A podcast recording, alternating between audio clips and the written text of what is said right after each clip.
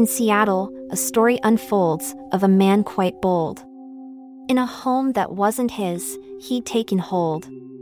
A window smashed, the woman, she did see. And quickly called the police, for all to be free.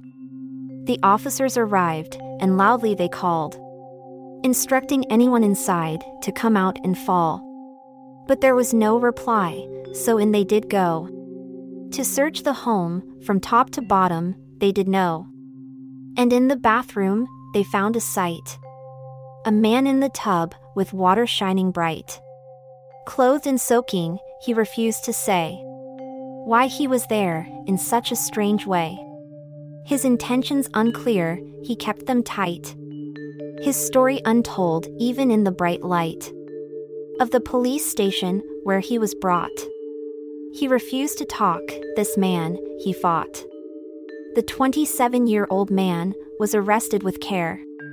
For residential burglary, a charge quite fair. But still he refused to come clean and explain his actions that night, his choice to remain.